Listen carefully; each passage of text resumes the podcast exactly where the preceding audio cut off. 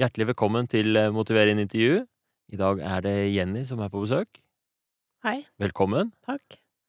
Eh, Før vi går i gang med, med din problemstilling, så kan vi kanskje ta en liten introduksjon. Vil du si litt om eh, hvem du er, hva du driver med, hva som er aktuelt for deg for tiden? Ja. Nei, jeg er eh, 35 år. Dame. Gift. Og har to barn. Bor en halvtime utenfor Oslo. Pendler. Og jobber som arkitekt. Men er sykemeldt nå. For jeg gikk på en smell nå rett før jul. Ja. Mm. Så det er veldig aktuelt Det er det aktuelle, nå. og det henger vel kanskje sammen da med problemstillinga, eller det vi skal jobbe med. Mm. Hvor tenker du det er eh, greit å begynne? Nei, eh, det eneste du sa jeg kunne forberede meg på, var jo hva jeg vil endre, da. Ja. Så så det er det på en måte eneste jeg har gått og grunna litt på. Ja. Det er grunnlaget, kjernespørsmålet i et motiverende intervju. Det er hva vil jeg endre på? Mm. Så da får jeg stille deg det spørsmålet, da. Hva er det i Hva har du lyst til å endre på? Det det jeg har kommet fram til nå, tror jeg er øh, å stresse mindre. Og liksom eh, bli mer indrestyrt, eller finne fram til en magefølelse eller et eller annet sånt senter som gjør at jeg kan navigere litt bedre, da. Ja. For det er det jeg opplever nå, at jeg liksom ikke vet hva jeg trenger, eller hva jeg vil, eller så jeg liksom prøver å finne ut av det. Og da gjør jeg ofte det som jeg tenker at noen forventer av meg, eller folk trenger av meg, da. Sånn som når jeg er mamma, så har jeg to barn som trenger noe hele tiden. Eller prøver å være en kone, eller ansatt, eller ja. Så da jeg liksom mis Jeg tror jeg har mista hva jeg vil og trenger.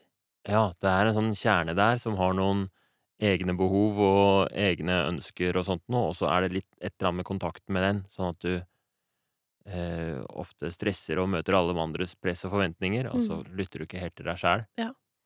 Og så er det sånn som jeg har lagt merke til nå etter jeg ble utbrent, som legen min anbefalte meg å begynne å gjøre ting litt saktere. Og liksom gjøre det i liksom sakte tempo alt sammen, og så kjenne etter liksom hvordan det føles, da. Så nå er det første gang på mange, mange år at jeg har kjent etter hvordan kroppen min har det. Og det har jeg blitt sånn ganske overraska over hvor mye jeg stresser i små ting som ikke er liksom forventa Det er ingen som forventer noe av meg, jeg har verken dårlig tid, ingenting, men liksom kroppen min er helt sånn Ja, du har lett for å havne i den liksom. der aktive modusen, ja, hvor du blir sånn ah, Ja. den Brødskiva må bli perfekt, liksom. Ja. ja. Så det syns jeg Det har vært sånn For det er mange ting jeg tenkte da jeg ble utbrent, eller da skjønte jeg ikke egentlig at jeg ble utbrent, men da jeg ble sykemeldt, så tenkte jeg sånn Det er åpenbare ting jeg må forandre, og det var veldig lett å Jeg visste jo liksom om de litt, men så Jo lenger jeg har vært sykemeldt, jo mer jeg har tenkt på det, og snakka med legen eller KK, da, mannen min, så skjønner jeg at det er masse ting jeg ikke har tenkt over engang, og som jeg ikke har visst, og som jeg ikke har kjent, som jeg har masse å gå på. Ja. ja, det er interessant du sier det. Jeg tror det er veldig vanlig det du sier med at uh, man veit jo på en måte hva som er uh, Man veit jo at man trenger å hvile og stresse ned, men så er det det å, å føle det. Mm. Ja, Og så har jeg tenkt nå hviler jeg, men så har jeg ikke gjort det. Fordi okay. kroppen har ikke vært rolig Eller jeg har liksom vært aktivert hele tiden, da. Mm. Skal vi, før vi går i gang med med å se på liksom endringen, øh, hva du ønsker å gjøre av endring, skal vi ta en liten gjennomgang av hva som øh, av bakteppet her? Den der sykemeldingen og hva som skjedde, og hva som ledet opp til det? Mm. Nei, jeg var hjemme Jeg har fått to barn ganske tett, og så var jeg hjemme med siste barn i korona. Og så er jo mannen min musiker, og hadde vært mye lockdown og lite jobb, så da samfunnet åpna igjen, så var det egentlig da jeg skulle tilbake i jobb. I per, altså etter permisjonstiden. Bar, eh, sønnen min var vel sånn ti måneder eller noe sånt. Så da gikk jeg tilbake i jobb en måned eller noe sånt i vår, og så skjedde det mange ting på jobb som gjorde at vi mista jobb, og så var det tydelig at KK ville ut og jobbe. Han var veldig rastløs eh, hjemme. Så da endte jeg opp med å dra tilbake igjen i permisjon. Så var jeg hjemme liksom over et år med siste barnet. Og så i høst så starta jeg på jobb igjen. Og da var det liksom 100% pendling. Det tar to timer om dagen, dør til dør. Og så jobba jeg i august til slutten av november, og da har jeg kjent på på en måte dette er hektisk, jeg har ingen lommer til meg selv. Jeg må løpe til toget, og hvis toget har buss for tog, så må man liksom omgjøre å få argumentert seg fram i den køen, sånn at du skal få henta i barnehagen og sånn. Masse sånn der sånn hverdagsstress, på en måte. Og så jobber jo KK kveld, så da er det liksom to timer hvor vi har sammen før han skal dra. En hel uke med jobb, og så skal han på jobb i helgen, da. Så man har liksom Våkner lørdag morgen, og så er det liksom litt rotete i huset, og du har to barn alene. Ja. Og skal prøve å liksom ha det fint, og gjerne ta dem med ut og sånn, og så er det trassalder og ja. Så det har vært masse sånn Og så kommer mandag, og så er det en ny runde, liksom. Så har jeg liksom kjent litt hjertebank og litt sånn hjerteklappaktig, og liksom måtte hive etter pusten noen ganger og Ja, du gått. kjente det på kroppen og sånne signaler. Ja, men så har jeg på en måte tenkt sånn Jeg glemmer ofte å spise sånn, jeg er litt dårlig på Så så da har jeg tenkt sånn ok, nå må jeg bare spise noe, eller Jeg har vært svimmel ganske mye, sånn følt at jeg har gått i bakken litt. Og så ble jeg bare syk. Jeg fikk sånn forkjølelse, og det har jeg hvor jeg var hjemme tre dager. Og så visste jeg ikke helt Jeg har ikke vært borte fra jobb sånn annet enn syk med barna. Så jeg visste ikke liksom Jeg hadde hørt om sånne egenmeldingsdager og greier, men jeg visste ikke det liksom hvor lenge man hadde, så da prøvde jeg å få tak i legen min. Da hadde det gått tre dager. For da kjente jeg meg ikke noe bedre, liksom. Så snakka med sjefen, han visste heller ikke. Jeg jobber i et veldig lite firma. Så da endte jeg bare med å være hjemme fem dager, og så fikk jeg ikke tak i legen min. Jeg har en fastlege som jeg fikk liksom ikke tak i. Han så hadde jeg aldri vært hos han før heller. Så da på mandag morgen så tenkte jeg bare jeg må bare dra tilbake til jobb, fordi jeg har ikke snakka med legen, og fem dager Jeg ble jo ikke noe bedre, eller ja. Og så sitter jeg på jobb, og så må jeg liksom ta mange pauser og går ut og bare må liksom få Jeg følte ikke at jeg fikk nok luft, liksom. Så Mm. dro jeg hjem litt tidlig. Og så drar jeg tilbake på jobb dagen etter, og da liksom midt på dagen så bare Føltes som jeg nesten fikk Jeg har hatt panikkanfall før. Det føltes litt sånn ut, bortsett fra at jeg liksom ikke var stressa. Det var mer sånn Det, det var liksom Det føltes ut som jeg ikke fikk puste. Men så det var jo sikkert på vei til sånn panikkanfall eller et eller annet, da. Så sa jeg det bare til sjefen min at eh, jeg tror kanskje at eh, jeg må hjem. Jeg får ikke puste ordentlig. Og da bare var han sånn OK, hvor skal jeg kjøre deg? Jeg kan kjøre deg hjem, jeg kan kjøre deg til legevakta, jeg kan kjøre deg Men da ville jeg bare hjem, da. Og så ble det litt bedre den ettermiddagen. Så skulle KK inn til Oslo, så kjørte han meg. Og på veien dit så skriver jeg til sjefen min, for han var veldig opptatt av at jeg skulle se, dra til lege, men så fikk jeg ikke tak i legen min, og jeg følte det var så dramatisk å dra på legevakten. Så da skrev jeg sånn Jeg fikk ikke dratt i går, men jeg prøver meg på jobb i dag, og så får jeg se. Men på vei inn til Oslo så fikk jeg sånn skikkelig sånn derre trykk i brystet, liksom. Ja. Sånn at liksom det føltes som hjertet bare sakka ned, og at liksom, jeg kjente i kroppen at nå får jeg ikke nok. Et eller annet. Ja. Så da sa Koko sånn Jeg kjører deg bare til Volvat isteden. Mm. For det ligger på Majorstad, rett ved jobben min. Og så dro jeg dit, og så tok masse prøver og EKG og sånn, og en sånn svensk sykepleier som var sånn ha-ha, her var det ikke noe galt. Det visste jeg jo. Er du mamma, eller? Og så nevnte jeg at mannen var musiker, så lo han bare sånn kjempehøyt. Ikke sånn slemt, altså, men mer Ja. sånn Dette har jeg sett masse. Eller, ja. Jeg følte meg veldig sånn basic, da. Ja. Jeg lå der, og han bare 'Det er nok stress'. Ja. Ja. Så snakka jeg med en lege, og så sa han bare 'Du må bare roe litt ned'. Så sykemeldte han meg to uker, og da tenkte jeg det var jo kjempelenge, da. Liksom. ja. Det trenger bare noen dager å slappe av, for siden jeg fikk barn for tre og et halvt år siden, så har jeg, hadde jeg inntil da, da, ikke hatt en dag hjemme uten barn. Liksom. Så da tenkte jeg sånn tre dager hjemme, åtte timer, er jo helt sykt, liksom. Mm. Selvfølgelig får jeg tatt, tatt meg inn da, liksom. ja. Så da sa jeg, og så sa han sånn med sykemelding, så kan du bare avslutte den når som helst og dra tilbake på jobb. Det er liksom ikke noe Du må ikke være hjemme i to uker. Så Sa jeg det til sjefen min, og sånn. Han bare ja, ja, fint, det, og vi snakkes og sånn. Så gikk det to uker, så følte jeg meg bare Jeg bare satt hjemme og stressa. ja. Sånn. Kroppen var fortsatt i den der aktive modusen. Ja, Mm. og jeg bare følte det var sånn Det var veldig vanskelig å stå i, sånn psykisk. Jeg følte liksom veldig masse Jeg tenkte veldig mye negative følelser om meg selv. Og jeg følte at det var sånn Jeg er fire måneder tilbake i jobb, og så ble jeg liksom sykemeldt med en gang. Jeg følte at nå må jeg kompensere med Jeg har vært hjemme i over et år med baby, det er jo ingen som er det nå. Alle deler jo 50-50, og alle Ja. er jo liksom sånn tilbake på jobb, og de veldig mange av venninnene mine syntes det var deilig å komme tilbake til jobb og sånn. Jeg følte liksom det ikke sånn.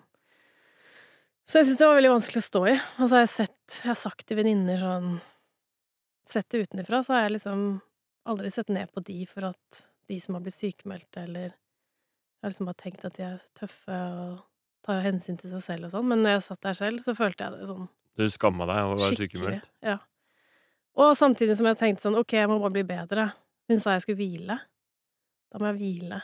Men så klarte jeg det ikke. Ja. Så jeg bare gikk rundt og liksom og sånn, ikke, ta, ikke gjør så mye hjemme. Så prøvde jeg liksom å Ikke ta, opp, å, ja, sånn, ta ut oppvaskmaskinen. Nei, ikke gjør det. Sett deg ned. Les en bok. Gjør noe som er godt for deg selv. Så bare jeg aner ikke hva som Hva er godt. er det som er godt? Ja.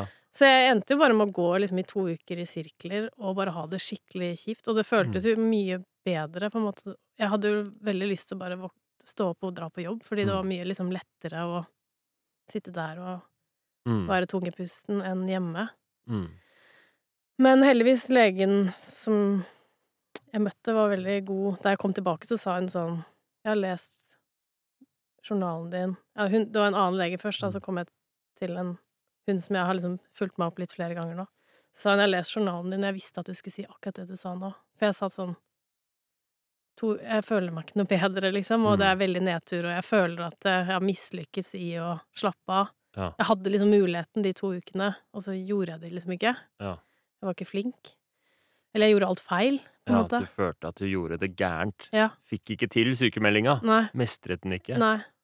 Og liksom sånn Og jeg, jeg skjønner ikke hva som skal bli bedre av å sitte to uker til sånn, liksom. Mm. Det er helt sånn Jeg tror kanskje ikke det, det var det som var lurt. Og, og ja.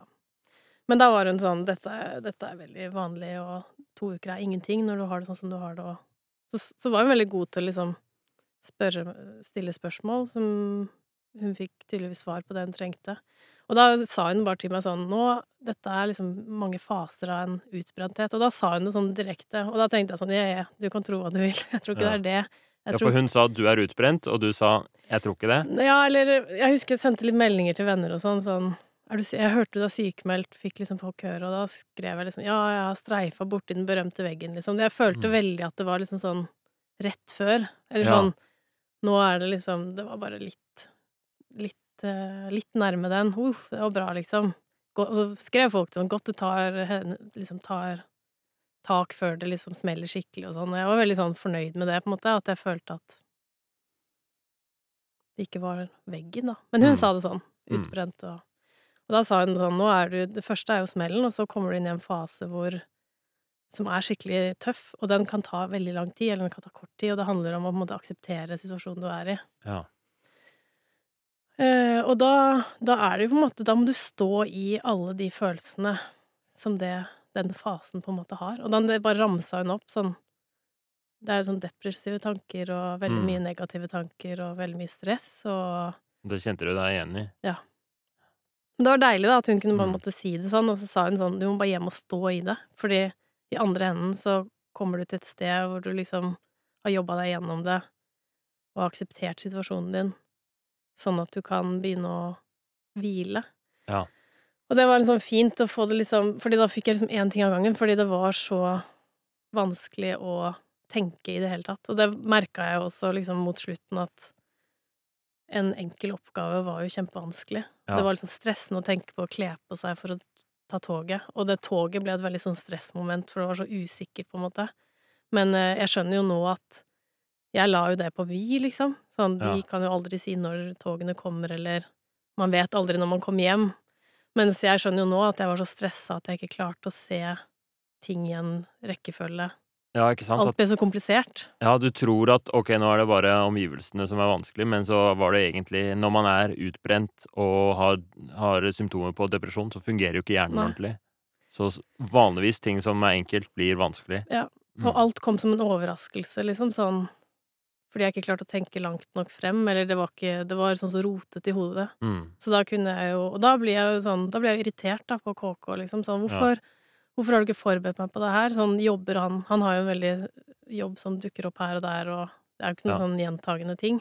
Som musiker så er det veldig ufo uforutsigbart Ja. for han. Men jeg pleier jo liksom han, Vi har en felles kalender og sånn, men det var sånn Hæ, åssen kom Hæ, skal du dra fem i dag? Det var helt sånn overraskende. Mm. Og da var det mer sånn mye sånn diskusjoner på når han har lagt det inn i kalenderen. Han har ikke sagt Ja. ifra tydelig nok, men det er jo jeg som bare ikke klarte å ta det inn, liksom. Eller Ja. klare å stokke dagen, så alt var sånn superoverraskende. Alt ble vanskelig. Så for å oppsummere, da. Bakteppet her er at du har eh, eh, som tobarnsmor og arkitekt og korona og mammaperm, så ble det en helt sånn ekstrem start på på eh, tilbakekomsten til jobb i Mhm. august. Og en, altså I seg selv så ville jo sikkert den eh, jobbhverdagen vært ekstremt stressende, og så kombinerer du med den derre overgangen, som er veldig sånn knallhard, og alle forventningene som samfunnet har om at man skal få til alt helt perfekt, og så ble det en skikkelig Det som jo er veldig vanlig, da, at man, man går rundt med sånt stressnivå hele tiden og aldri får henta seg inn, og så til slutt er batteriet helt tomt, og da går du på veggen. Mm. Noe sånt noe. Det var det hun forklarte, at uh, man kan gå med stresshormon, kortisol, Mm. og adrenalin i kroppen. Og det kan du gjøre ganske lenge, men med en gang du får et sånt dropp i adrenalinet, så kjenner kroppen at det Ja. Kjenner kroppen på alt det som stresshormonene gjør, da. Mm. Så det var det hun sa, sånn når du var syk litt, så er det vanskelig å komme seg opp igjen, fordi Ja. du har fått den duppen, på en måte. Ja. Fordi kroppen sier fra, og det starter jo med litt sånn hjertebank og, og sånne veldig små signaler. Mm. Og så er det, klarer man jo ikke å høre på det, fordi eh, hva skal du gjøre, liksom? Du kan jo ikke gå hjem fra jobben fordi du har en liten uro, liksom. Og du kan ikke sende barna noe sted, liksom. Så, så da blir det Møte veggen er en ganske god metafor. Men det føltes jo ikke ut som et smell, på en måte. Nei, Det det, føltes det som- ut som du var Det gikk veldig sakte. Det gikk sakte, og det føltes ut som det var en Altså, det som du kjente på i starten her, var jo forkjølelse og en Mm. sykdom, sånn var slitenhet, liksom. Mm. Men samtidig, så når jeg satt Det føltes også ut som jeg hadde et valg, liksom. Nå kan jeg dra til legen, og da ble jeg sykemeldt. Jeg skjønte det jo på en måte da jeg gikk inn døra der. Men jeg følte jo også at det er jo på en måte bare å Jeg kunne jo dratt på jobb også, liksom. Ja. Og det, det var det liksom Den usikkerheten Det er liksom annerledes hvis du på en måte besvimer, da. Også, Eller at det hadde vært litt mer dramatisk. Ja. Jeg måtte liksom kjenne etter, og folk rundt meg sa jeg burde gjøre noe, og så Det føltes som jeg på en måte manipulerte le legene. Det føltes som det ikke var ekte. Jeg tror det er veldig vanlig at man betviler sin egen tilstand i en sånn situasjon. Mm. Er jeg egentlig sjuk? Ja, men kan jeg ikke bare For du har jo sikkert erfaringer med i livet ellers at du har jo veldig mye kapasitet eh, Altså, som mor, da, ikke sant, så Jøss, jeg klarer å være våken så mange netter på rad, og det går bra likevel. Mm. Man har masse ekstra kapasitet akutt hvis man er på et bra, i en bra tilstand, men Mm. sånn som du var når du er sånn bunnskrapt, så er det snudd på hodet da. Mm. Jeg tror det var veldig bra og viktig at I hvert fall det vi tror jeg erfaringene viser, at eh, man må ta det veldig alvorlig, en sånn utbrenthet. Og, og det du sier, det du vil endre på, er å finne tilbake til en eller annen kjerne, bli flinkere til å Eller eh, gjøre det som er bra for deg. Tror det er veldig riktig spor. Mm. Heller enn å ha en sånn sucker up-tankegang. Eh, ja.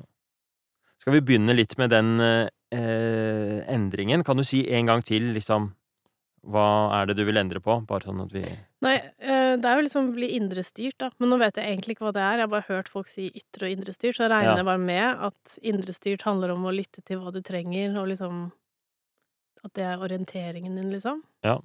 Men det er jo som et indre kompass. Ja. Begynne å uh, leve livet mitt og ta hensyn til meg selv, da. mm, Men uh, også ikke Og så stresse mindre. Stresse mindre, ta hensyn til deg selv, indrestyrt. Så Og så vidt jeg skjønner, så tror jeg det for meg er litt sånn knytta opp til selvfølelse. Som er tungt å erkjenne. Ja, måte. hvordan da? Nei, bare de ukene som har gått nå, at jeg skjønner at jeg liksom ikke Jeg bruker masse energi på at jeg ikke føler meg bra nok Mm. For eksempel hvis jeg skal få besøk, så føler jeg ikke at jeg Det at jeg er der, er ikke bra nok, liksom. Jeg må liksom Ja. være litt ryddig rundt meg. Jeg må servere noe. Ja. Mm. En sånn, eh, selvfølelse Selvfølelse kan jo svinge eh, veldig, da, men hvert fall eh, at selvfølelsen er det som gjør at du stresser deg opp, fordi det er ikke bra nok bare akkurat sånn som det er, liksom. Ja, jeg må kompensere på en måte. Ja. Enten med å være veldig flink mor, eller å være gjøre gjøre det bra på jobben og komme tidsnok, rekke toget. Ja. Og siden du hele tiden skal kompensere for sånn selvfølelse, så blir det hele tiden litt stress. Det blir aldri Nei. ro, liksom. Og når det kommer til det med å stresse mindre, handler jo om sånn Jeg tror ikke jeg vet hva hvile er, egentlig. Eller Nei. sånn Og jeg tror jeg har vært aktivert så lenge. Ja. Eh, og liksom føler seg dum, da, men jeg har liksom ikke problematisert det at eh, Sånn som i den småbarnsperioden. KK er jo flink til å si sånn 'gå og legg deg', eller Men jeg er liksom ikke flink til å kjenne etter åssen jeg har det engang. Og så Hvis jeg skal De gangene jeg har prøvd å legge meg, så får jeg ikke sove fordi jeg ligger bare og stresser. Ja. Og når jeg skal legge meg på kvelden, så klarer jeg ikke å bare legge meg ned og så ligge sånn og tenke Bare liksom la liksom hodet tømmes, og så sovne. Da har jeg liksom hatt mobilen, så Mm. scrolla helt til jeg på en måte blir litt trøtt, og så legger jeg meg vekk, og så sovner jeg, liksom. Og at jeg ikke har liksom skjønt at det er liksom at eh, hjernen er aktivert, og må bare holde seg aktivert. På en måte at det å Mm. hvile er så vondt, fordi kroppen er stressa, da kjenner man det. Så jeg har prøvd å liksom komme unna den følelsen. Ja, så når du sier hvile, så er det egentlig forbundet med hva du Det er som om du ikke helt vet hvordan du skal hvile, Ja. og når du prøver å hvile, så er det veldig ubehagelig. Mm. Fordi, ja, du klarer å hvile kroppen, men eh, hjernen går, Ja. og Og så tror jeg jo går. kroppen inni Altså, kroppen er jo aktivert.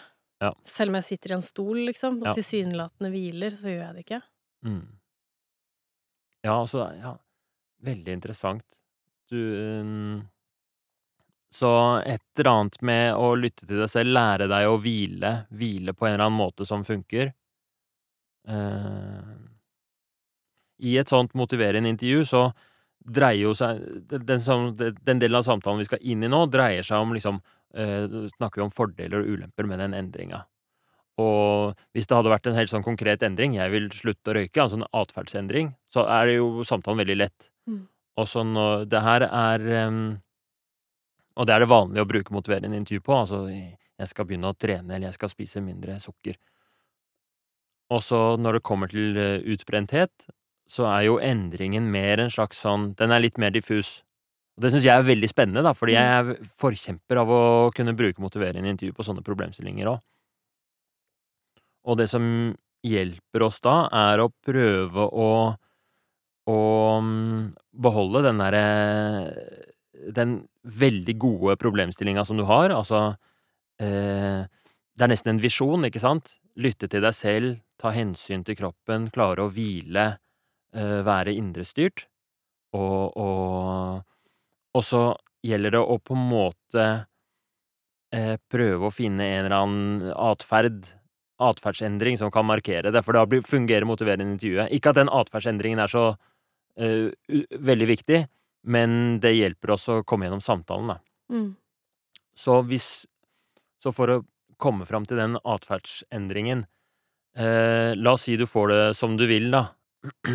Og du liksom i, i, I liksom målet ditt om hvordan du vil ha det, og hva du vil endre på, hva er mest Hva er en sånn typisk endring i atferd, tror du? Hva tror du du gjør annerledes da? Det er et vanskelig spørsmål. For å nå målet.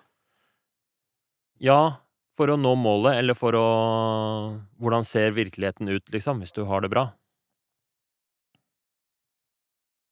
Ja, det er et vanskelig spørsmål. Ja.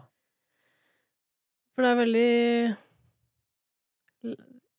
Det som har vært lett opp til nå, er jo på en måte å skylde på alle andre. Ja. Så alle sånne herre At man må jobbe 100% to personer som har to små barn, for Ja. eksempel. At det er liksom krevende. Så jeg ser for meg at liksom hvis man hadde jobbet mindre, Ja. så hadde det vært mye lettere. Men jeg tror ikke det er så enkelt. Men jeg Mm. tror jo det er en bidragsyter, da, at um, Men um, Ja, definitivt. Det kan jo godt hende at uh, at det er med på øh, en løsning, og finne en eller annen løsning hvor du jobber mindre. Mm. Så mm, Men ehm, Men jeg tror jo den Adfer, altså, atferdsendring handler vel om hva jeg hva jeg kan ha kontroll på, mm, eh, innenfor rammene jeg har, liksom. Hvis rammene er at man må jobbe 100% og pendle og ha to små barn, så er det jo Det er jo der på en måte jeg har masse å hente nå, og jeg har merka at jeg gjør masse feil, på en måte. Men jeg vet jo ikke hva på en måte svaret er, da. Ja, hva er det du føler du gjør feil, da? Um, bryr meg på en måte om feil ting. Så stresse med Jeg merker jo KK stresser jo ikke med de tingene jeg stresser med. Og mm, det er litt sånn sånn Nå kan jeg bare snakke for sånn som jeg hadde det før jeg ble sykemeldt, for nå er jeg i en sånn unntakstilstand. Men eh, da var det liksom sånn at eh, jeg gjorde Jeg hadde på en måte så mye Jeg var så sliten eller hadde så mye å gjøre at jeg endte opp med å gjøre ingenting av det. Ja. Um, så jeg kunne liksom sitte og scrolle, da. Jeg har ikke sosiale medier engang, liksom. Ja. Så jeg sitter på nettaviser og scroller. Og på en måte bruker opp mange lommer til å ikke Som jeg kanskje ikke jeg, jeg trenger definitivt ikke gjøre mer hjemme. Jeg er veldig sånn Det gjør jeg for mye. Jeg rydder for mye. Jeg må ha, ha det ryddig rundt meg hele tiden. Sånn, det trenger jeg jo ikke, egentlig. Det handler jo om et eller annet sånn indre kaos, tipper jeg. Eh, Så, mm, så i hverdagen, en sånn hverdagssituasjon, så sitter du Så har du det veldig ryddig, og du scroller masse på nettavis, mm. og så kan, er det av og til sånne situasjoner hvor du har masse å gjøre, og du får ikke gjort noe som helst, liksom? Ja, jeg er på en måte ikke til stede Jeg er verken til stede ordentlig med barna, eller Jeg er liksom ikke ordentlig til stede, føles det ut som, Mm. på en eller annen måte. At um, Ja, det blir liksom Og det føles som jeg gjør noe feil. Ja. Jeg ser liksom folk rundt meg gjøre mye mer enn det jeg har gjort, eller hatt et mer stressende liv og få tvillinger og sånn sånn gud vet hva, og så Mm. bare virker det som de Og så har jeg tenkt utenifra sånn uff, det der kommer til å gå dårlig. og så er det jeg som på en måte går på en smell, og det syns jeg er vanskelig fordi Å begynne å liksom se at Og så snakker jeg med de, da, sånn hvorfor er det Hvorfor hva Åssen følger du deg inn i det, liksom? Og så vet de ting om hvile som jeg ikke har tenkt over engang. Jeg har ikke ofra en tanke. Ja. Eller de de driver med yoga, eller snakker om liksom meditering eller sånn, og de tingene der har jeg på en måte bare avskrevet i mitt Jeg har aldri testa yoga. Mm. Det derre å hvile, det er akkurat som jeg Det er akkurat som jeg er et barn som aldri har på en måte Du har gått tenkt glipp av liksom hvile som konsept, og Ja, jeg eh, mm. Og når jeg ser liksom Jeg bare merker når jeg går i Jeg var på hos legen Nå er jeg jo fortsatt på Volvat, for jeg har fortsatt ikke fått kontakt med fastlegen min.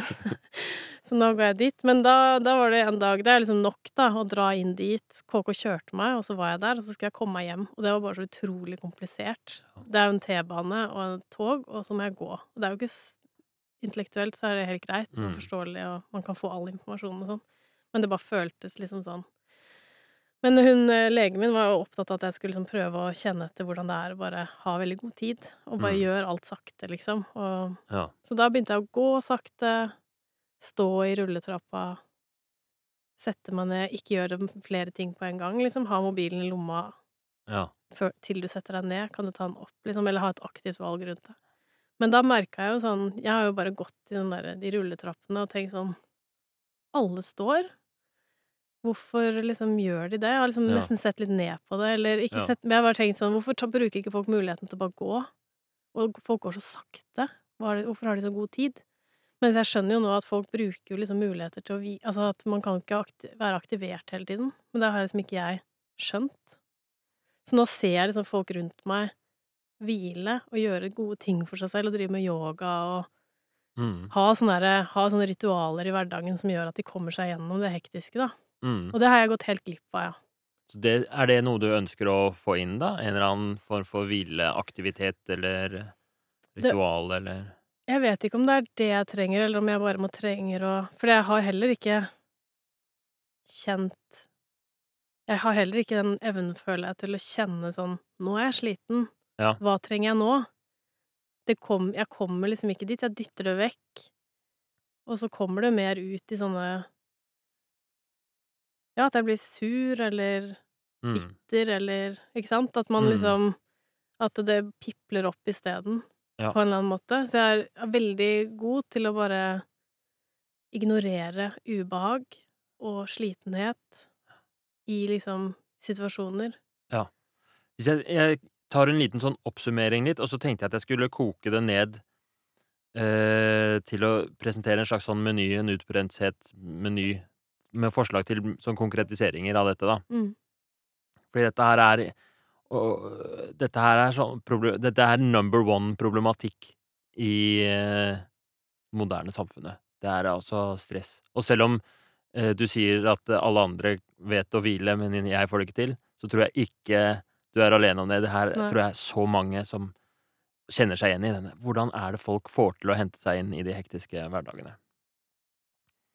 Og det du, det du legger fram, da, er eh, Det er liksom mange ting du eh, snakker om sånne ritualer som folk bruker på å hvile. For eksempel snakka du om yoga og meditasjon. Og det kan jo være masse ting, så hva folk eh, liker, men å innføre sånne der aktive hvileting med en eller annen regelmessighet, Mm. det er på en måte én eh, sånn type konkretisering, en atferd som man kunne fokusere på å motivere en intervju. Og så snakker du også om at du syns det er vanskelig at du ikke kjenner følelsene dine så lett. Det er en sånn disconnect mellom eh, signalene til kroppen din. De er veldig lave, og du føler deg tunghørt. Klarer ikke å høre de. Um, så eh, en annen eh, Et annet angrepspunkt kunne vært en eller annen atferdsendring som, som fokuserer inn på det. Enten å Eksempler på det ville vært sånn at man eh, starter en liten sånn dagbok hvor man noterer følelser og prøver å bli kjent med følelsene på den måten. Noen bruker pulsklokker og måler stress på den måten og har eh, glede av det og kan liksom lære seg kroppen sin å kjenne. Så det, det er liksom to forskjellige. En er sånn aktiv hvile. To lærer kroppen å kjenne. Og så det tredje ehm, går jo litt på sånn eh, grenser og sånn i hverdagen. Det kunne også vært en sånn eh, inngang på at eh, For du sier at det er Du skulle gjerne vært litt mer indrestyrt, og em, ofte så blir det sånn at eh, jobben og barna og alles forventninger er det som får bestemme, og så får du ikke heller liksom satt av tid til deg selv eller satt av grenser til deg selv. Så det går også an å koble til en eller annen sånn atferdsendring. Mm. Ehm, og eller Og så er det jo også uh, her um, snakker du om uh, en ting som du gjør, som du føler ikke gir deg så mye. Eller det tolker jeg det som, den derre nettscrollinga. Mm. Det kunne man også gjort et prosjekt på, liksom. Jeg skal slutte med nettaviser. Man kan jo Så det er fordeler og ulemper med å ha nettaviser, liksom. Uh, Så nå har vi fire ting på menyen, og femte ting kunne vært eh, en sånn skamfølelse. Det er, du har vært flere ganger og snakka sånn 'alle andre får det til, jeg får det ikke til', jeg føler Så dette her er liksom Det kunne man også satt en eller annen sånn at, knytta en atferd til, da. Mm. Om det skulle vært eh, å eh, få en eller annen eh, Hva det skulle vært, vet jeg ikke helt. Eh, men men eh, når man skal gjøre en endring, så lønner det seg å fokusere Mm. på én ting. Så jeg vet ikke, av de fem tingene, altså eh, hvileritualer, lære seg kroppen å kjenne, sette grenser, um, redusere bruk av eh, scrolling og mobil og nettaviser og skjerm, og um, uh, komme til bunns i egen skam og selvfølelse. Hva av det syns du er Hva alt tror du er veldig fristende. Alt er fristende. Hva er en fin meny? ja. Det er jo Altså, i min eh, Sånn som jeg funker Jeg hadde gjort Jeg hadde overkompensert og prøvd på alt Ja. på en gang. Fordi alt det der er jo helt grusomt, liksom. Man vil jo gjøre alt det der. Det For å bli en ja. bedre versjon av seg selv. Ja, jeg liksom. tror jeg kunne presentert den menyen til alle mennesker, og ingen ville sagt sånn Ja, men de kan jeg allerede. Nei, nei. Eh, alle ville sagt Å ja, takk. Så Ja, det er litt forskjellige veier til den personlige utviklingen som kanskje alle står i. Mm.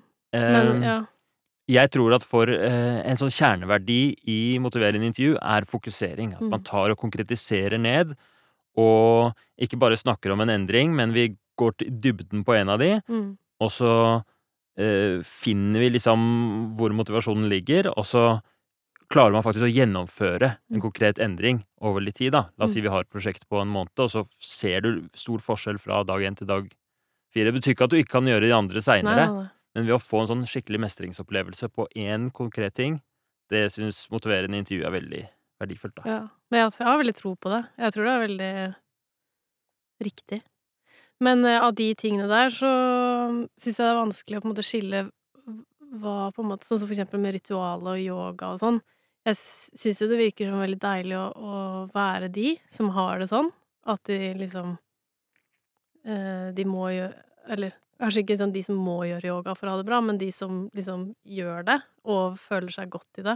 Jeg tror ikke jeg er en sånn person som kommer til å trives med yoga og meditering og Jeg syns det er kjedelig. Mm. Men da har det jo også vært sånn Jeg blir usikker på meg selv, fordi jeg også syns hvile har vært kjedelig. Jeg har nedprioritert veldig mange sånne ting som Fordi jeg syns det er morsommere å være sammen med barna, eller morsommere å Sånn som trening, så gjør jeg alltid eksplosiv tre... Altså, jeg løper heller dritfort enn å ta en lang løpetur, liksom. Jeg Ja. hater det. Ja, jeg kjenner meg igjen. Mm. Så, så derfor så, så, så syns jeg det er skikkelig vanskelig å vite Da, da kommer man tilbake til den der følelsen, eller hva Mm. som på en måte Hvordan man kan navigere, da. Fordi Ja. på en måte så tenker jeg at det er kjedelig, det vil jeg ikke gjøre.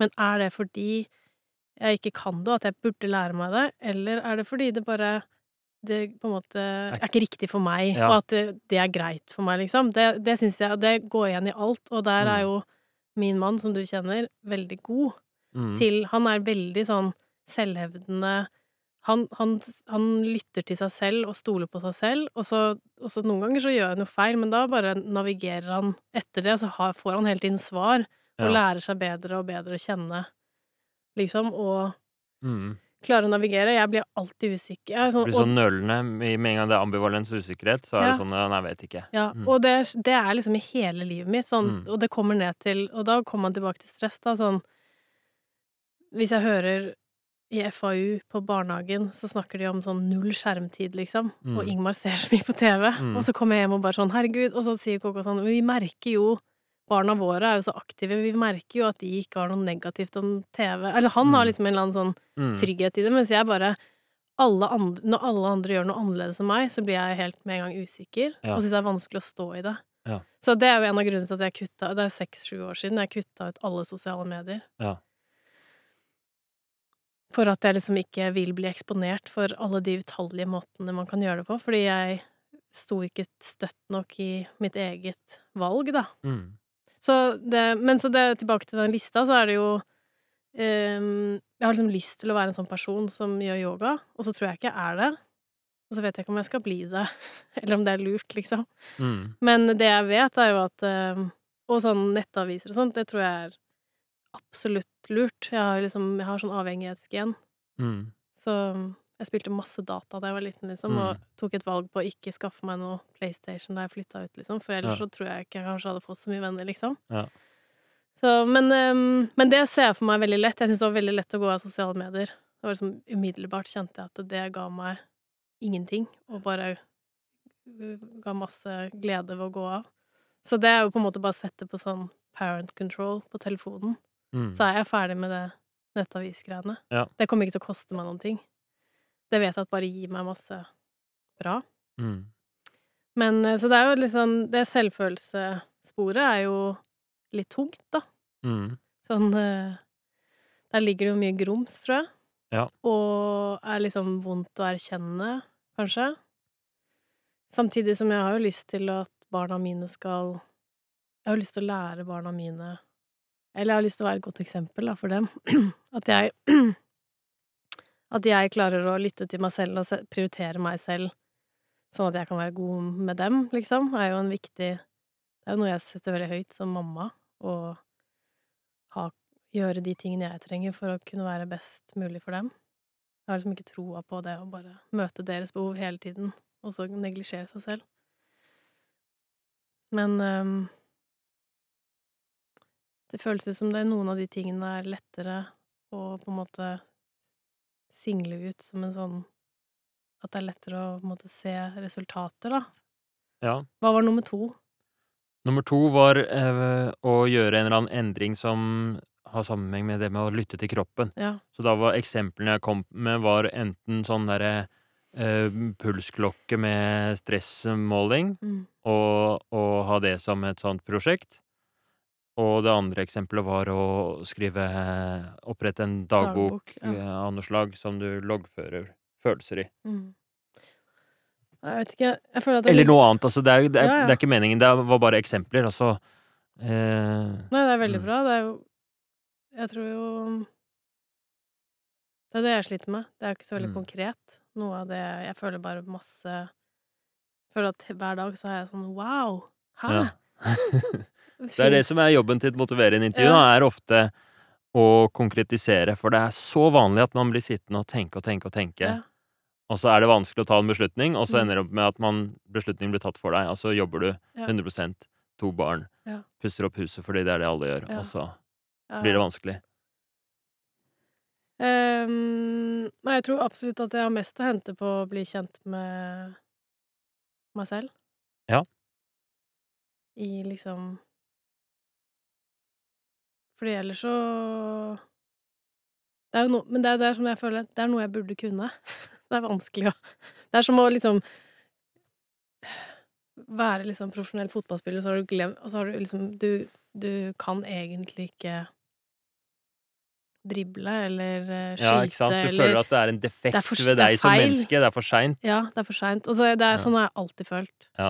Så det er for seint å begynne, liksom. Mm, tankene går med en gang. Så det, er den, det var her fra punkt fem, da, det med skam og selvfølelse og sånt nå, at det er fort gjort at det kommer tanker som er sånn eh, Det er ikke vits å begynne engang, fordi du, det er for seint. Ja. Som jo er et egen eh, element her. Men eh, det du sier, at der du tror det er mest å hente, det er ved å få en eller annen sånn eh, kontakt med Ja. deg selv og, og ditt stress, og hva er det som eh, Hva er det som er bra for deg, hva er det som ikke Mm. er bra for deg. Um, vi begynner jo å um, Dette er sånn som jeg syns er veldig spennende. Noen motiverende intervjuer, så starter man jo rett i gang med endringen, men nå har vi brukt mye tid, som jeg tror er veldig nyttig, på å komme fram til hva er egentlig eh, Å konkretisere liksom en endring ut fra en problemstilling. Mm. Um, så jeg, vi kommer nok ikke til å gå i gang med ambivalensfirkanten nå, som er Jeg vet ikke om du kjenner til den, som er liksom kjernespørsmålene i motiverende intervju. Mm. Men det tenker jeg er greit, det tar vi neste gang. Og så bruker vi de, neste, de siste ti minuttene nå på å eh, snakke mer rundt sånn eh, Bare utvide lista, og snakke mer om hva du tror kunne vært en sånn konkret endring som gjør at du kommer mer i kontakt med deg selv, da. Og eventuelt om du har lyst til å høre noe mer om eh, i hvert fall de to alternativene som jeg har kommet med nå. Um, eh, sånn teknologiske hjelpemidler eller dagbokskriving. Eller om du, om du har noen andre ting du har sett for deg. Nei, altså så langt har jeg Eller sånn De to tingene har jeg ikke tenkt på engang, Mm. liksom. At det er mulig eh, å gjøre. Men eh, hva vil det si å skrive dagbok, da? Så det som eh, jeg ser for meg, eh, eller som jeg tror er forholdsvis effektivt for sånn bli kjent med seg selv, det er sånn um, eh, loggføring av følelser. En viss regelmessighet. Og um, hva som funker for deg, det jo, må, må du finne ut av, da. Men det finnes, eh, det finnes apper hvor man får sånn varsel en gang iblant, og så ber den deg si noe om hva du føler, og hvor du er, og hvem du er med, og sånt noe, og så får man litt sånn oversikt på det. Og så blir det en øvelse i å kjenne etter, og så ehm, øh, Og så får man eh, Så blir man, er tanken at man etter hvert blir mer kjent med følelser, og kan gjenkjenne når man er sliten Mm. hva man skal gjøre. Eh, eller så kan man ha bare et notat på mobilen, og så loggføre klokkeslett og markere. Det går an for eksempel å markere med farger, da.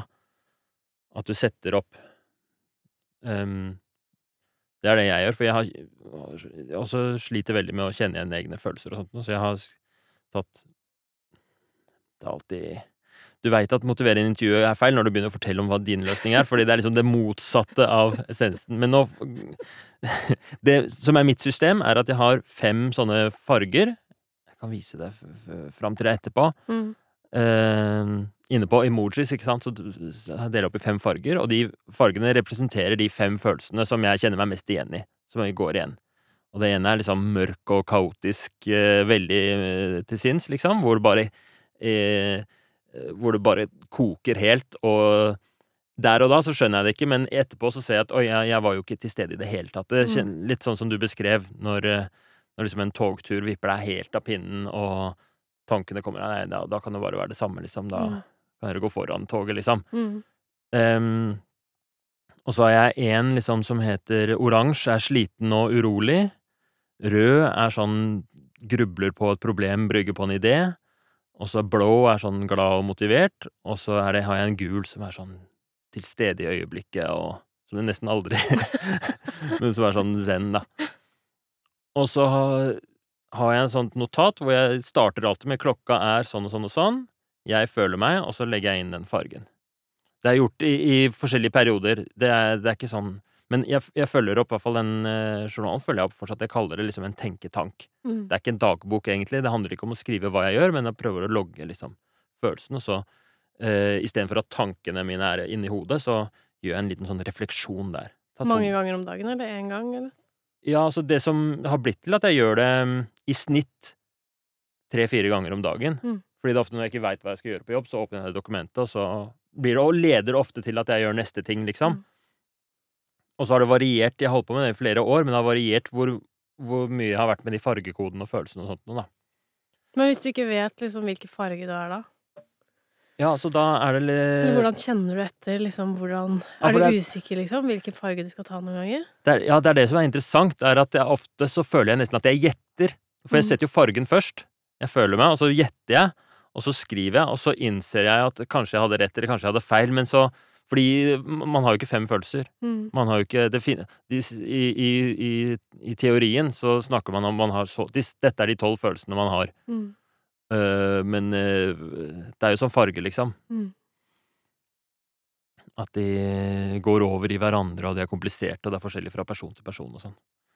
Men i hvert fall, poenget er å øh, Så det var bare et eksempel som du Mm. kan bruke til å kanskje til neste gang tenke deg fram til et sånn enkelt system som du tror kan funke for deg, og som er lett å gjennomføre, og som du tror kan ha en effekt, da. Mm. Eller som du tror kan hjelpe deg å bli kjent med. Du kan jo også gjøre litt research hvis du vil. Mm. Uh, så hvordan føles det nå? nå har, jeg har presentert menyen, og så sa du litt om at du tenkte den nummer to var interessant. Det der med at du har lyst til å bli kjent med egne følelser og lære deg å, å lytte til kroppens signaler litt. Og så var du litt interessert i sånn dagbok, log, loggføring, Og at det kunne være liksom en Noe som var nyttig for deg. Mm. Vil du Vil du Hvordan føles det nå? Nei, det er jo liksom spennende, da. Men jeg klarer ikke å liksom bli, gi slipp på den tanke... Den derre Som eh, At det liksom er så mange ting. Så det, det tipper jeg at det liksom Ja, du fikk lyst på alt på menyen, liksom? Ja, eller det bare føles så overveldende og sammensatt, hvis du skjønner hva jeg Ja. mener. Men, men jeg har øh, Og kaotisk. Ja. Liksom hele Mm. den derre Og det har nok med liksom jo, jeg, Hjernen min funker jo litt sånn litt eh, medium for tiden. Ja. Du er jo i en tilstand hvor du er eh, altså utbrent, Mm. og da å drive og, og starte med noe nytt i, mens man er utbrent, er jo litt sånn mot sin hensikt. Du skal jo egentlig hvile nå, og så begynne med et prosjekt. Det er veldig viktig at vi, eh, at vi gjør noe som føles lystbetont, Ja. og som er komfortabelt. At det ikke gaper over for mye. Ja, ja, fordi, men jeg, jeg tror det er veldig sånn riktig spor å liksom eh, legge noe til side og fokusere på noe. Og jeg tror jo liksom alle de tingene du nevnte, kommer til å dukke opp i, i På liksom den reisen, da. Mm. At man man men at det, det er lurt å fokusere på en ting. For det er jo det Ja. jeg liksom kjenner i den sykemeldtheten nå, at det liksom Jeg får liksom ikke til å hvile heller Mm. ordentlig. Jeg, selv om jeg sitter veldig mye stille og stirrer ut i lufta, Mm. så bare Det er sånn tankekjør og Ja. Mm. Så jeg tror det hadde vært veldig nyttig og, og mye sånn skamfullhet, da, for man skjønner liksom hvor mye man har å gå på, og hvor Mm. mye liksom ting som jeg har tenkt at er liksom KKs feil, er min Ja. feil, og sånne Ja. ting. Det er mange sånne oppdagelser. Jeg tror det kan være veldig fint å, at man ikke bare er på vei nedover, men at man også klarer å At det å liksom loggføre følelser og bli kjent med seg selv er et, liksom et positiv ting, da, fordi det vil måtte bygge meg selv opp litt sånn sakte, men sikkert. Mm. For da, da vil På en måte så tar man seg selv veldig alvorlig, da. Ja. Og det er jo det jeg ikke gjør. Så det å liksom skulle kjenne etter så ofte Det virker jo veldig på en måte uoverkommelig og vanskelig, Mm. men jeg tror det er derfor er det mye mer å hente der, da. Ja.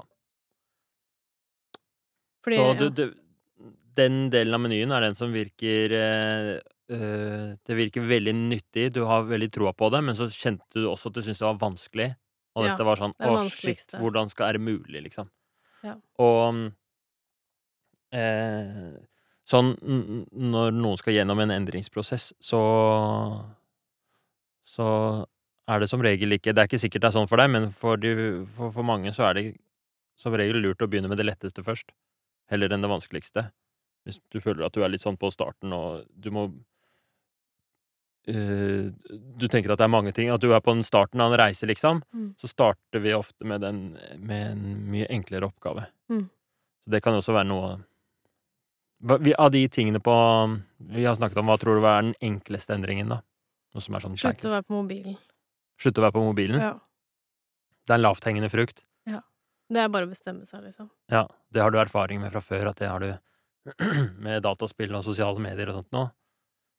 Kutta det ut, og så gikk det bra. Så det tror jeg er liksom det letteste, men jeg tror ikke det Jeg tror det bare er en liten sånn Det er jo ikke det som opptar meg, liksom, sånn Det er Ja. bare en Det har bare vært en Det er en ting som gjør at jeg har på en måte ikke lagt merke til helt hvordan jeg har det, fordi de ledige time, de ledige minuttene i løpet av Mm. en dag går vekk til å liksom lese om den fem år gamle gutten som ble drept, liksom, et eller annet sted. Og, og det har jeg liksom tenkt hele veien sånn med Ukraina-krigen og sånn, de opplever det jo, så det minste jeg kan gjøre, er jo å Ja. lese om det, liksom. Ja. Men jeg bare tar alt inn, da, og driver og grubler over det. Så det er jo bare bare sånn KK mener at mine nettaviser er noe helt andre enn Det er bare døde barn på Ja. mine nettaviser, liksom. Fordi jeg bare Det, det suges til det. Så det er vel bare en sånn herre holde Jeg vet ikke en eh, Det overrasker meg at du syns det er så lett. Å kutte ut det. Mm. Ja, sånn jeg eh, Nei, Hva skulle du gjort isteden, da, når du har ledig minutt? Ehm, se ut av vinduet, eller eh, se, være sammen med barna. Ja. Eller eh, det, Ofte så er det jo sånn derre Sitte på toget, da, eller ehm, vente på noen, eller ehm, når barna ser på TV, eller lager matpakker eller sånn, så er det lett å liksom stå heng- Hvis man får en melding eller noe sånt, så er jeg bare inn på sånn Jeg har jo sånn automatisk Man går jo gjennom alle Mm. sine greiene sine. Mm. Så mm, jeg tror jo på en måte at jeg har jo egentlig aldri tid til å gjøre det, på en måte. Ja. Så det er jo liksom det å bare bestemme seg for Jeg tror eh, tiden blir mer rendyrka da, hvis man ikke har den støyen, fordi det er noe jeg ikke velger. Det er bare en automatikk, liksom. Og det er jo absolutt ikke det jeg trenger, å lese om hvilke nye barn som ble drept, eller hvilke bomber som gikk av, hvor mange som døde, eller Ja. Men, eh, men det, det er jo ikke Det er jo eh, vanskelig i den Altså, da jeg, jeg klarer det jo ikke hvis det ligger der, liksom. Jeg må jo gjøre ting som å legge vekk mobilen, ha den i jakka når jeg er hjemme. Jeg har jo allerede på masse sånn oppmerksomhetsfilter Ja. som gjør at ikke folk kan ringe til meg og sånn. ja. Sånn at uh, Jeg tror bare det er liksom å bare stille det inn, og så er det ikke noe vanskelig. Ja. Men uh, tror du det er feil? Ja, bare sånn erfaringsmessig fra sånne endringsprosesser, så syns folk sånn skjermtid sånn avheng Det blir jo en avhengighet som sitter litt dypere enn eh, enn man skulle tro, da. Og, og det jeg ser for meg, er at hvis du plutselig ikke skal eh, sitte på mobilen, og så skal du se ut av vinduet isteden, så vil du oppleve det som Jeg tror den derre nettavisen dekker jo et slags behov Ja. om å komme vekk fra de eh, Fra uroen og stresset. Ja. Og det blir en sånn derre bedøvelse.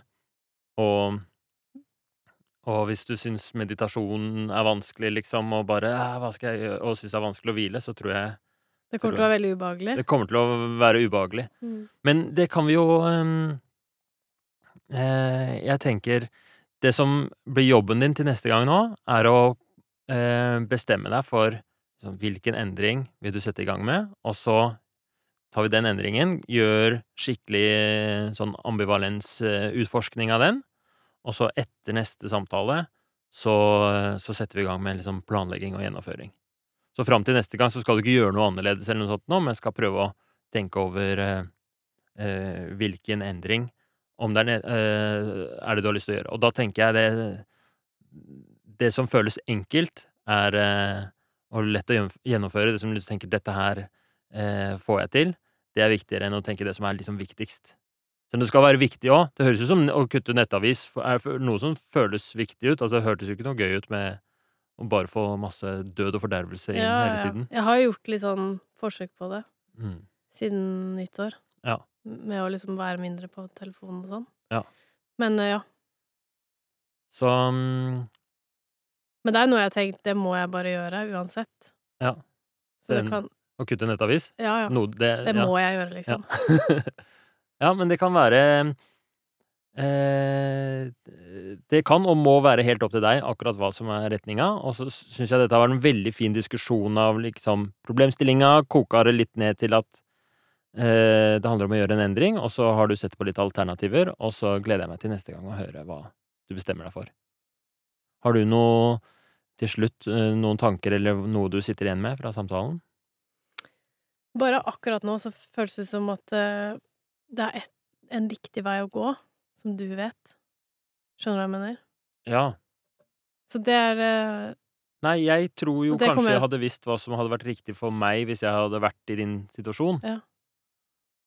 Uh, eller uh, Og jeg syns, jeg syns alle de tingene som du har nevnt, da, at du har lyst til å kutte ut nettavis, og du har lyst til å finne et eller annet uh, rituale, at du har lyst til å Jeg syns alt er kjempebra, mm, og det gjelder å finne uh, Finne ut av uh, Og jeg, jeg tror ikke du kan gjøre noe gærent jeg, med noen av de. Jeg Nei. tenker Hvis du hadde valgt Uansett hvilken du hadde valgt, så er det Det er jo en Ja.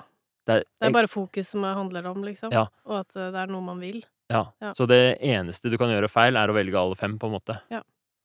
Eller ikke velge noen. Mm. Som gjør det samme. Ja.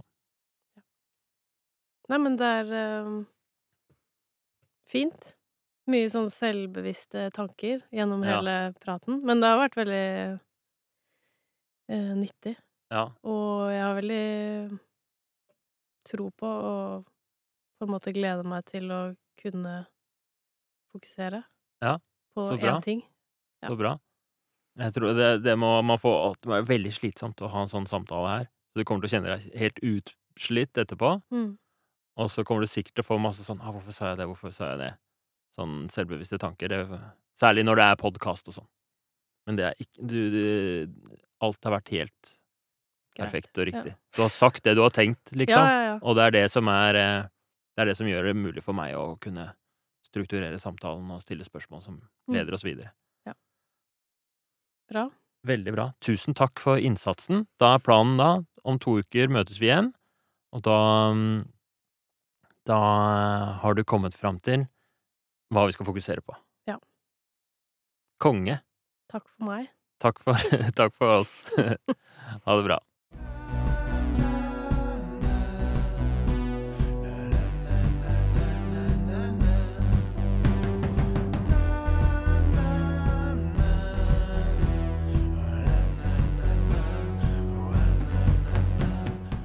Ok, da er vi ferdig med denne første samtalen med Jenny, hvor, vi, hvor det handla om utbrenthet. Det er jo en så vanlig problemstilling. Kanskje hovedproblemet i, i dagens samfunn. Jeg var på en boklansering i går for min venn Torkil Færø, som skriver en bok om um, pulsvariasjon. Uh, og han, på det foredraget i går, så fortalte han at 80% av sykdommene i dag kan eh, vises tilbake til stress. At stress er virkelig den store dødaren.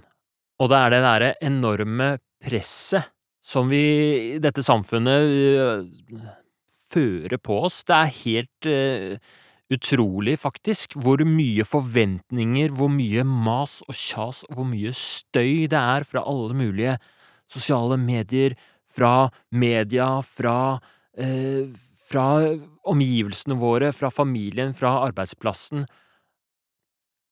Er, altså, vi er i en sånn kakofoni. Det er som om eh, det stormer utenfor, og så skal man prøve å lytte til seg selv og til kroppen sin. Og det er ikke rart at det er vanskelig, for det er en liten sånn spurvestemme i forhold. Kanskje hadde vært lett å høre hvis man bodde som en nomade ute i skauen, ikke sant, og det var stille rundt, og du fikk tid til å reflektere, men nå har vi inntrykk hele tiden. Vi bombarderes du går ikke ut døra uten å ha en podkast på øret, og jeg er jo del av det problemet, det innser jeg, så det er jo litt paradoksalt at vi snakker om det, men i hvert fall det blir som å prøve å lytte etter en sånn liten spurvestemme fra innsiden når du står midt i en uh, orkan. Så uh, problemet med uh, utbrenthet fordi man ikke klarer å lytte til kroppen fordi man kjører seg for langt, stadig i en sånn aktivert tilstand, det tror jeg veldig mange kan kjenne seg igjen i. dette ble jo en litt lengre samtale enn vanlig, over en time vi, vi holdt på, og Eh, men det tenker jeg var, var veldig nyttig, en veldig god samtale, syns jeg. Vi kommer jo ikke til ambivalensfirkanten engang, og sånn er det noen ganger. Det er ikke alle problemstillinger som er sånn eh, enkle å bare begynne å, å, føre på en endring. Det er ikke alle som kommer liksom 'hei, jeg har en endring jeg vil gjennomføre'. Her var det mer en sånn problemstilling som vi måtte oversette til en konkret endring. Og jeg tror den der prosessen, å bare la hele samtalen dreie seg om hva er det du vil endre på, eh, den er veldig god. Det i seg selv skaper jo motivasjon og skaper endring. Så eh, den, den, reisen som vi har vært med på nå fra, med Jenny, med å utforske hva er det jeg vil, hva er viktig for meg, og komme fram til eh, Det endte med at vi kom fram til en slags sånn meny, da. Det tror jeg er, eh, er nyttig. Og en sånn kjerneverdi i motiverende intervjuteknikken, det er det å fokusere. Jeg har veldig troa på å fokusere og klare å sikte seg inn på én ting, og det trenger ikke å være én ting som løser hele problemet. Altså, hvis Jenny velger en av de tingene, For eksempel velger å kutte ut nettaviser, så vil ikke det på en måte kurere alle hennes problemer og forandre livet fullstendig, men jeg har mye mer tro på å gjøre én endring skikkelig enn å prøve å fikse alt på en gang. For det som skjer da, er at da får man den situasjonen hvor man går rundt og tviler, og hva skal jeg gjøre, og så gjør man litt av alt, og så får man ikke til eh, så veldig mye konkret, faktisk endring i livet sitt. Eh, jeg sammenligner Jeg har to metaforer for å gjøre endring. Det ene er at jeg ser for meg disse endringene som eh, sånne rullesteiner på en slette, og så for å gjennomføre en endring, så må man rulle de opp en, en ås, åskam liksom opp til toppen, og der er det en ny, nytt platå, da. Så hvis du ruller steinen, og hvis du kommer helt opp til det platået, hvis du jobber skikkelig med en endring, så blir det etter hvert en vane, det blir etablert, det blir en del av identiteten din, ikke sant? Sånn som Jenny nevnte, sånn de folkene som bare gjør yoga, som må gjøre det.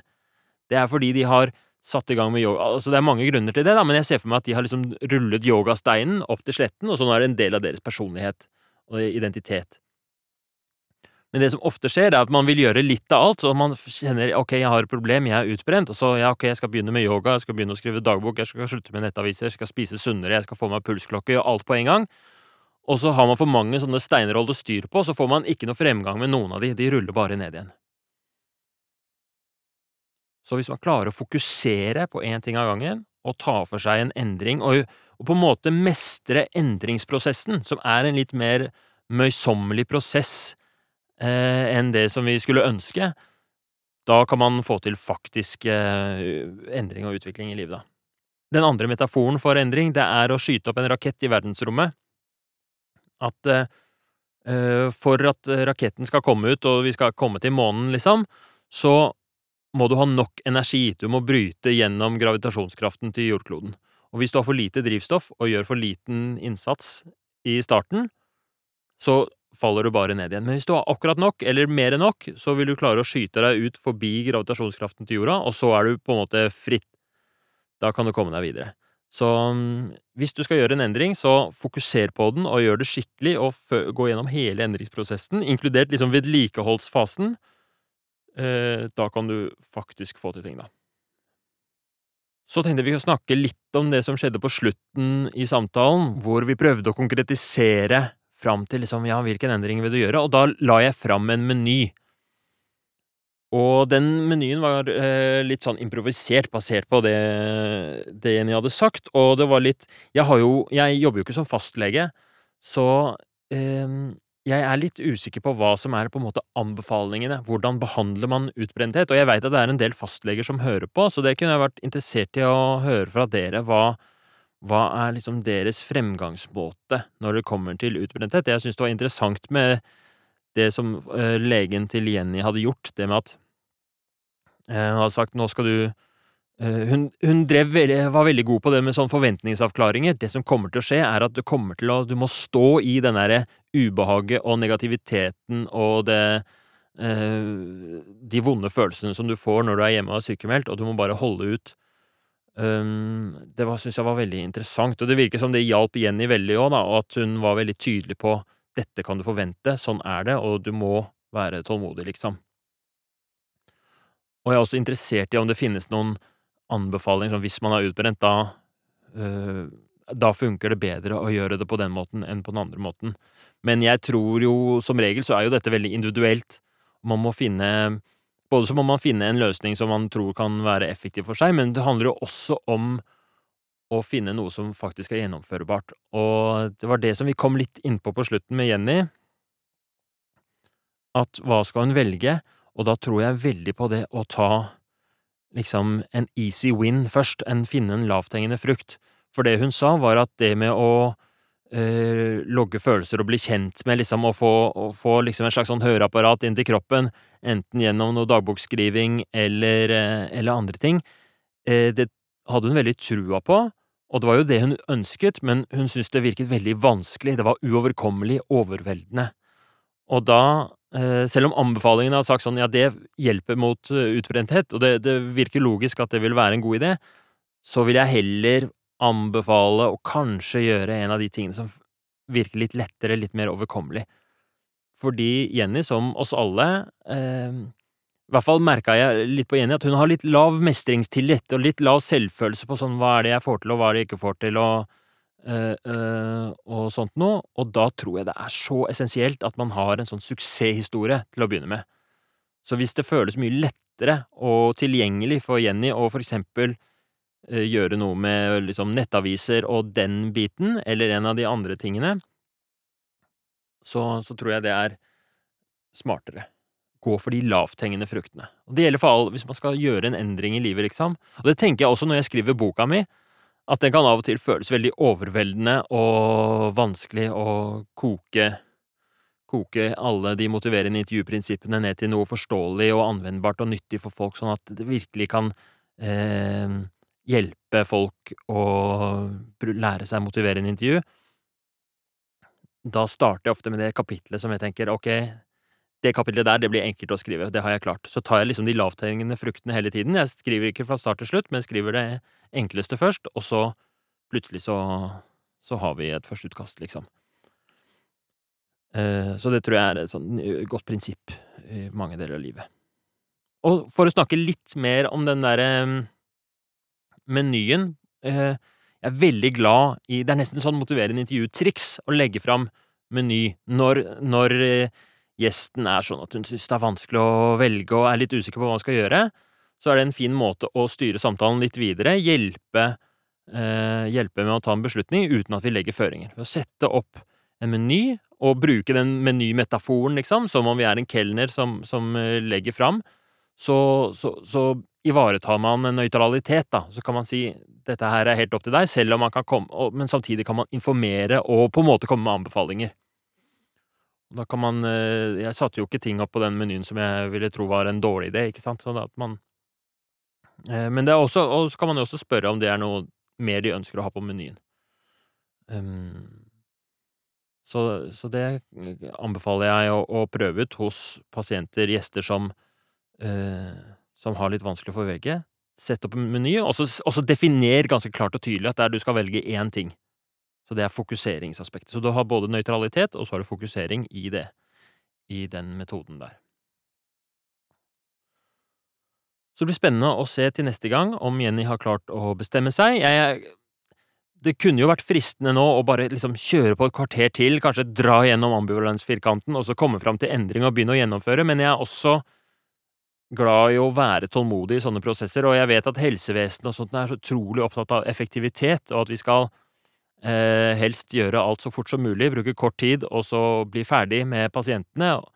Men eh, i denne sammenhengen så har jeg jo eh, god tid i og med at det er en podkast og jeg styrer alt selv, og jeg tror også at det er mye viktigere å få en god og vellykket endringsprosess, og heller bruke litt lengre tid, fordi det er noe som man kan ha med seg resten av livet. Det veit vi jo, at folk som har gått gjennom en, en endringsprosess, får jo økt mestringstillit, og da er det mye lettere å gjøre andre endringer i livet. Og selv om den endringen, la oss si det her blir å kutte nettavis eller hva som helst, hvis det er for en person å få en sånn positiv erfaring med å gjennomføre en endring, det er verdifullt mye mer enn bare selve endringen man gjennomfører. Det er også verdifullt for evnen, kompetansen, til å stå i endringer og mestre livet. Så det eh, Det syns jeg var veldig fint, at vi ikke tok liksom gikk eh, Forhastet oss til neste steg, begynne med å utforske ambivalens og, og lage en plan, liksom, men at vi heller tok det i fred og ro. Og til neste gang så skal vi bare tenke på hva er det vi skal fokusere på. Ok, takk for meg. Takk til alle lytterne. Um, jeg har oppdatert nettsida mi nå, hermanegenberg.com, og der har jeg lagt inn en mal for motiverende intervju, blant annet, og andre ressurser også. Så dere kan gå nederst, scrolle nederst, og for å se på den malen jeg bruker for å holde et uh, motiverende intervju. Da kan dere se at det, det er som fem deler, og i denne, dette, denne samtalen her så var vi egentlig bare i del én, så det er jo interessant, og den kan man jo bare laste ned, bruke i din praksis, prøve med en venn, gjør, som, gjør hva du vil med, del med hvem du vil. Den er gratis og er bare hyggelig hvis folk har nytte av. Og så er det også litt andre Det er mal for endringsplan, blant annet. Ok, ha en fin dag videre, alle sammen.